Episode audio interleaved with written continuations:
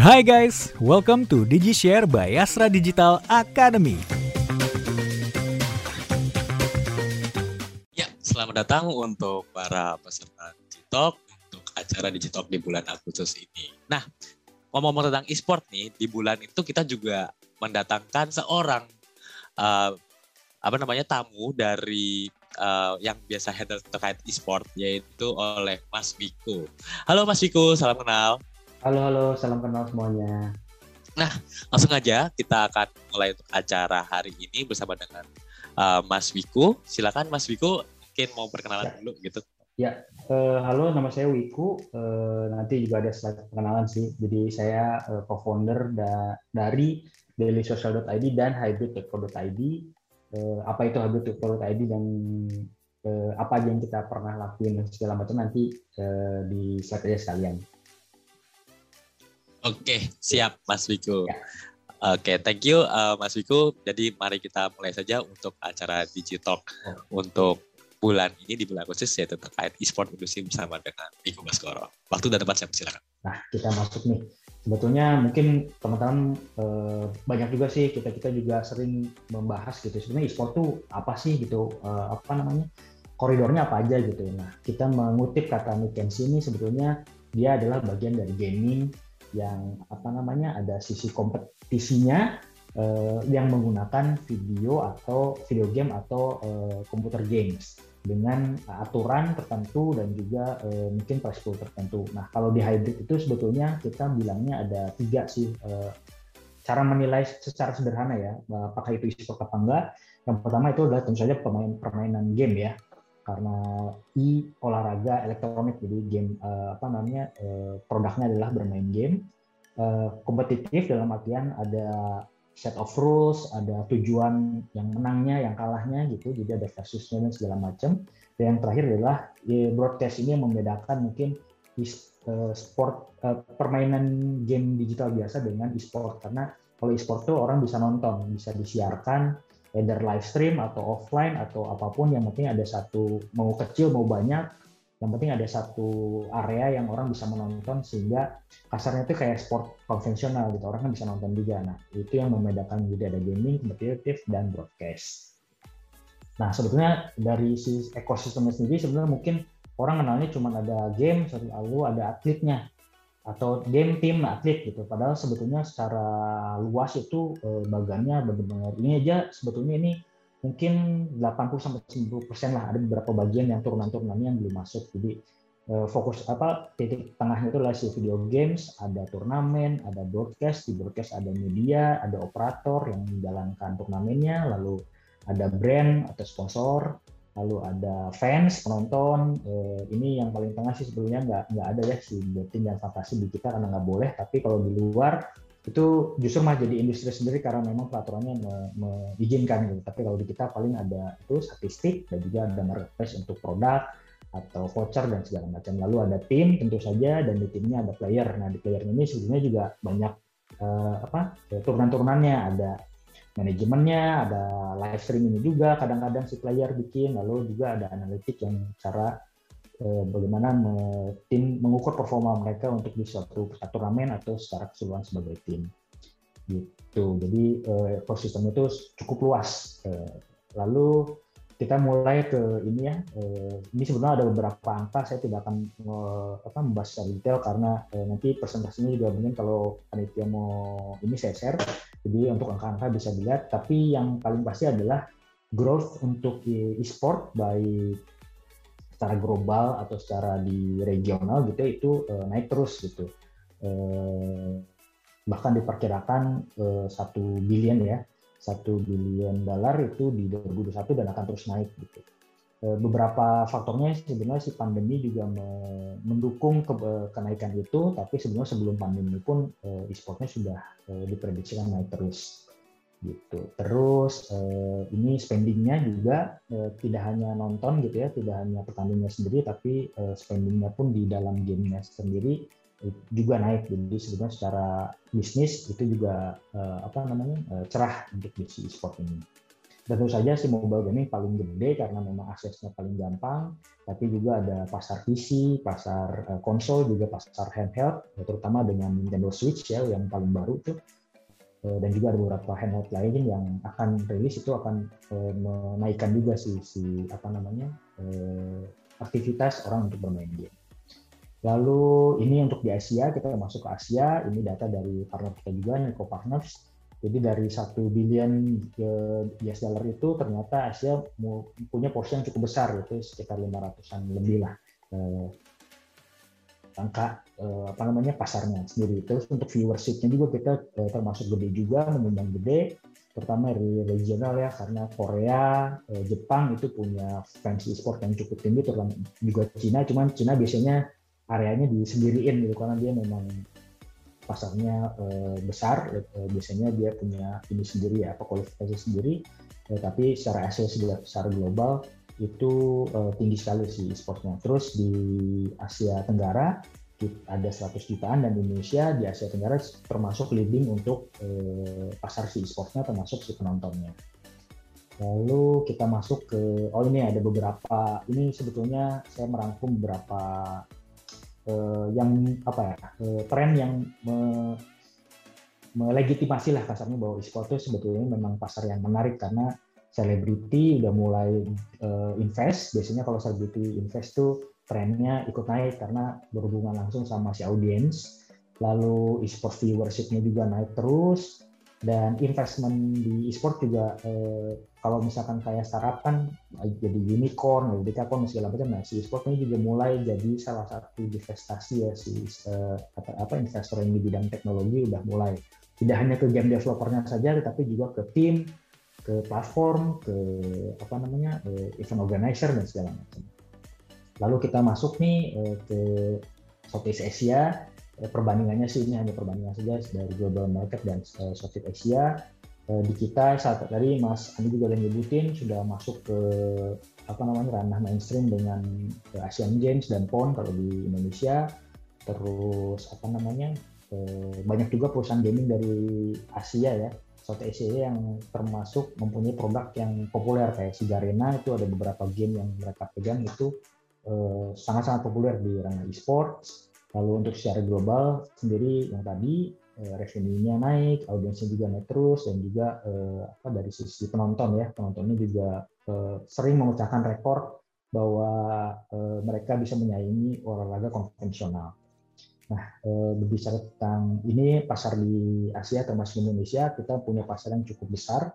Eh, tidak hanya dari kan dari penduduk, ada dari penetrasi internet, penetrasi mobile juga cukup besar. Nah, eh, kita masuk ke Indonesia. Dari Indonesia sendiri sebetulnya eh, apa namanya agak seimbang ya perempuan dan laki-laki. Cuma memang kalau dari sisi atlet memang lebih banyak si perempuan. Lalu spending yang paling perlu dicapai sebenarnya spending di market kita juga ternyata cukup besar gitu, terutama didukung sama salah satunya juga eh, layanan fintech ya, ya saya juga punya yang bisa mempermudah cara pembayaran perbayarannya. Nah, untuk genre di platformnya sendiri memang mobile kita paling populer karena memang pengguna smartphone kita kan sangat tinggi. Tapi untuk konsol dan PC pun punya fans yang apa tersendiri. Nanti di apa lebih dalam ada di bagian belakang presentasinya. Jadi untuk ini genrenya ada strategi, ada mobile, ada action mobile, lalu konsol juga uh, ada battle royale, ada racing. Racing termasuk salah satu yang lagi naik juga nih di Indonesia dan Asia lalu game strategi, lalu ada di PC ada MOBA, ada strategi, ada juga uh, shooter untuk tembak-tembakan. Nah, uh, lebih merujuk lagi, lebih masuk lagi ke ekosistem e-sport Indonesia ini sebenarnya mungkin tidak mencakup semuanya, tapi secara garis besar saya mencoba memetakan gitu, ya. gitu pelaku-pelaku di ranah atau di apa di segmen apa saja yang ada di Indonesia. Itu yang pertama adalah e-sport teams dan player tentu aja kita punya tim-tim yang uh, cukup terkenal tidak hanya di Indonesia dan regional tapi juga di internasional. Ada juga tim-tim yang sudah mempunyai cabang di regional jadi misalkan kayak di Indonesia ada di Singapura ada di Thailand di Filipina juga ada. Eh, dan player-playernya pun banyak yang punya fans di seluruh dunia gitu. Kayak Dota itu ada beberapa yang punya fansnya sampai internasional Terus kalau untuk regionalnya kayak Mobile Legends segala macam itu recognize-nya udah uh, cukup uh, terkenal di regional. Lalu kita juga ada penyedia untuk nama-namanya sih si e-sport team nanti ada di belakang, tapi yang paling terkenal mungkin kayak EVOS, RRQ sama Boom, eh, Onyx itu mungkin empat yang paling terkenal. Lalu setelah itu kita juga punya penyedia jasa turnamen platform. Turnamen platform ini pada dasarnya kayak eh, sederhananya adalah orang kalau mau ikut turnamen harus daftar. Jadi nanti data-data eh, leaderboard, terus informasi si pesertanya bisa tersimpan. Jadi kalau ada eh, game yang lain lebih mudah untuk diajak. Nah kita ada beberapa kemudian di sini ada Yamisok, ada Metaco, ada Ice Cream tadi yang di depan, partner kita juga. Eh, ada juga Revival TV juga mempunyai si platform ini. Lalu yang selanjutnya adalah event organizers. Ini juga cukup banyak pemainnya di sini dan beberapa event organizer yang biasanya nggak megang nggak masuk ke e-sport itu mulai masuk ke e-sport gitu. Jadi kalau yang khusus e-sport kayak eh, Mineski, ada Revival, ada Motley, lalu yang gede-gede kayak eh, apa namanya Narendra, eh Narendra apa Duh, sorry saya lupa namanya. Yang punya Jarum itu ada IO yang besar yang biasanya pameran otomotif yang gede itu juga mulai masuk ke uh, e-sports gitu. Jadi cukup menarik karena di luar negeri itu uh, event organizer uh, bisa jadi segmen bisnis sendiri ya selain tim atau playernya sendiri. Jadi ada beberapa turnamen organizer uh, internasional yang memang dikenal sebagai penyelenggara turnamen uh, terbaik gitu. Seperti ISL mungkin terus ada ada beberapa nama lain. Eh, lalu media tentu saja seperti hybrid ada banyak sekitar mungkin ada sepuluhan lebih ya kalian media di sini. Mungkin beberapa ada yang fokus di e-sport saja dan ada beberapa yang juga digabung dengan lifestyle yang lain ya seperti gaming atau film.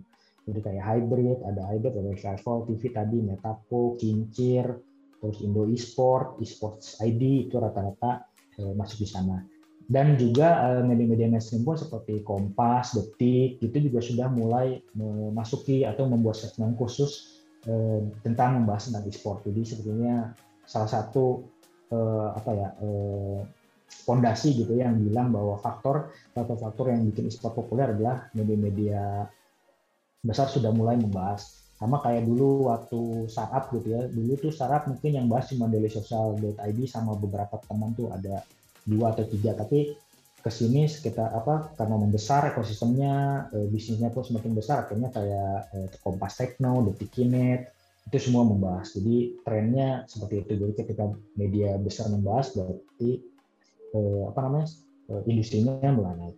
Lalu kita di Indonesia juga sudah banyak yang melakukan streaming. Tentu saja YouTube di YouTube di Facebook itu segala macam.